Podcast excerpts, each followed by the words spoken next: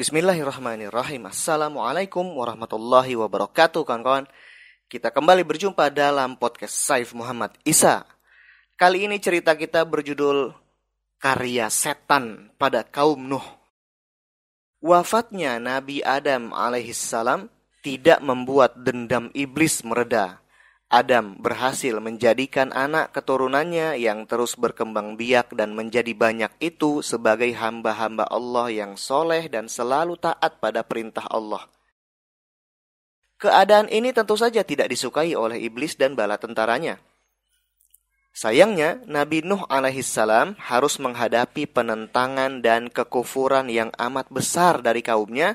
Bahkan kaum Nabi Nuh adalah kaum yang paling kafir Padahal mereka semua adalah anak keturunan Adam yang dahulunya beriman hanya kepada Allah Subhanahu wa Ta'ala. Bagaimanakah caranya setan menyesatkan mereka sehingga membuat Nabi Nuh harus menghadapi penentangan dan permusuhan besar dari kaumnya? Kekufuran dan kesesatan ini pula lah yang membuat kaum Nabi Nuh harus musnah karena ditimpa azab yang amat pedih banjir besar yang menenggelamkan segala-galanya. Dari sini kita akan mengetahui bahwa para setan menyesatkan manusia dengan begitu gigih dan sabar. Para setan menyesatkan manusia sedikit demi sedikit, menghabiskan waktu yang sangat lama dan hasilnya umat manusia menjadi kafir kepada Allah Subhanahu wa taala secara massal. Allah Subhanahu wa taala merekam perkataan kaum Nuh untuk tetap teguh menyembah berhala-berhala mereka. Dan mereka berkata, "Jangan sekali-kali kamu meninggalkan penyembahan tuhan-tuhan kamu dan jangan pula sekali-kali kamu meninggalkan penyembahan Wad dan jangan pula Suwa, Yaguts, Ya'uq dan Nasr." Quran surat Nuh ayat 23. Di dalam ayat ini Allah Subhanahu wa taala menyebutkan nama-nama Wad, Suwa, Yaguts, Ya'uq, dan Nasr. Para ulama menjelaskan bahwa mereka adalah nama-nama orang-orang soleh di tengah-tengah anak keturunan Adam. Dan setelah mereka meninggal, berhala-berhala yang dinamai dengan nama-nama mereka kemudian disembah. Dan penyembahan itu terus merebak hingga Allah mengutus Nabi Nuh di antara mereka. Jarak antara Nabi Adam dengan Nabi Nuh adalah 10 generasi, seperti yang dijelaskan oleh Rasulullah Muhammad Wasallam dalam salah satu hadisnya. Diriwayatkan dari Ibnu Hibban dalam kitab Sahihnya. Seseorang bertanya, wahai Rasulullah, apakah Adam seorang nabi? Ya, dia diberi wahyu, jawab beliau. Berapa jarak waktu antara dia dengan Nuh? Tanya seorang itu. Sepuluh generasi, jawab beliau. Di dalam periode sepuluh generasi antara Nabi Adam dan Nabi Nuh inilah iblis dan bala tentaranya mengembuskan godaan yang merusak yang berakibat pada kufurnya orang-orang pada zaman Nabi Nuh.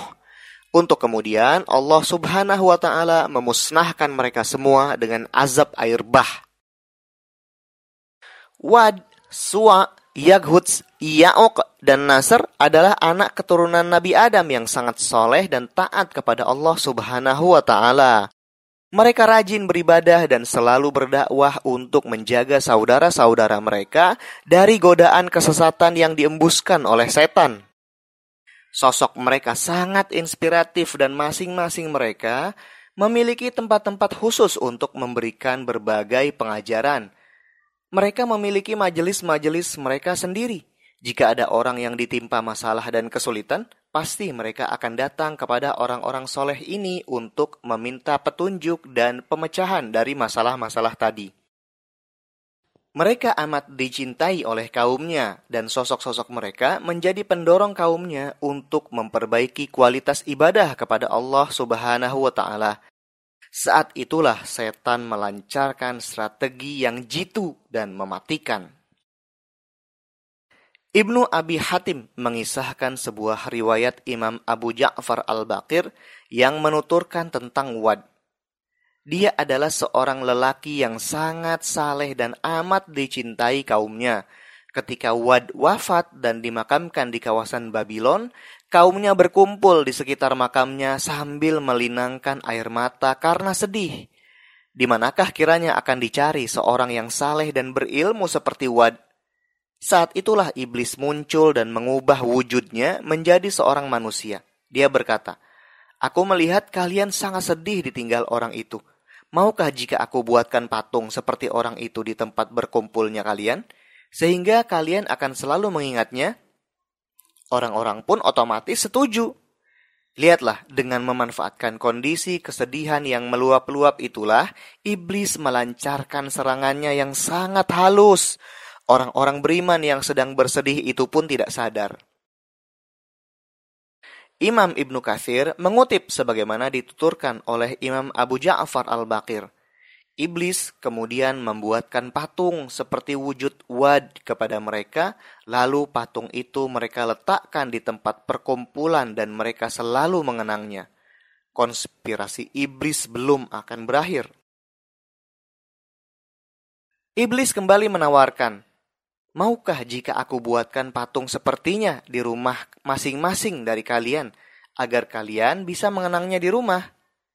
Dengan tanpa menyadari ada bahaya, orang-orang pun menerimanya.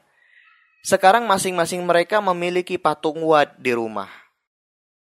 Dengan sabar dan gigih, iblis melancarkan serangannya. Dia tidak menyuruh orang-orang itu secara frontal untuk menyembah patung-patung tadi, karena dia tahu kalau hal itu dilakukan, maka yang akan terjadi adalah penolakan. Dengan amat perlahan dan sabar dia menunggu. Sang waktu pun berlalu, tahun demi tahun pun berganti, dan generasi demi generasi pun datang dan pergi. Saat itulah iblis kembali melancarkan bisikan kesesatannya. Dia mengetahui bahwa generasi-generasi yang datang kemudian tidak memahami untuk apa patung-patung itu dibuat, yakni sekedar untuk mengenang. Maka iblis pun datang dan berkata kepada mereka bahwa dahulu orang tua-orang tua mereka memuliakan orang-orang saleh tadi dengan perantaraan memuliakan patung-patung itu. Bisikan iblis itu pun dilaksanakan. Hingga titik ini, iblis belum juga secara frontal menyuruh mereka untuk menyembah patung-patung itu.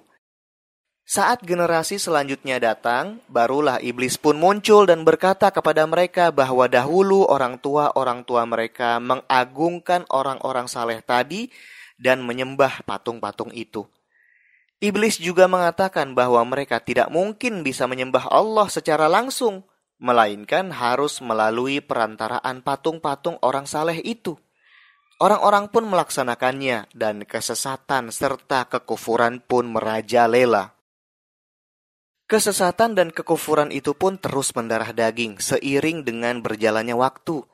Ia diyakini menjadi agama, disepakati menjadi tradisi, dan menancap dalam di sanubari, sehingga semakin sulit untuk mencabutnya.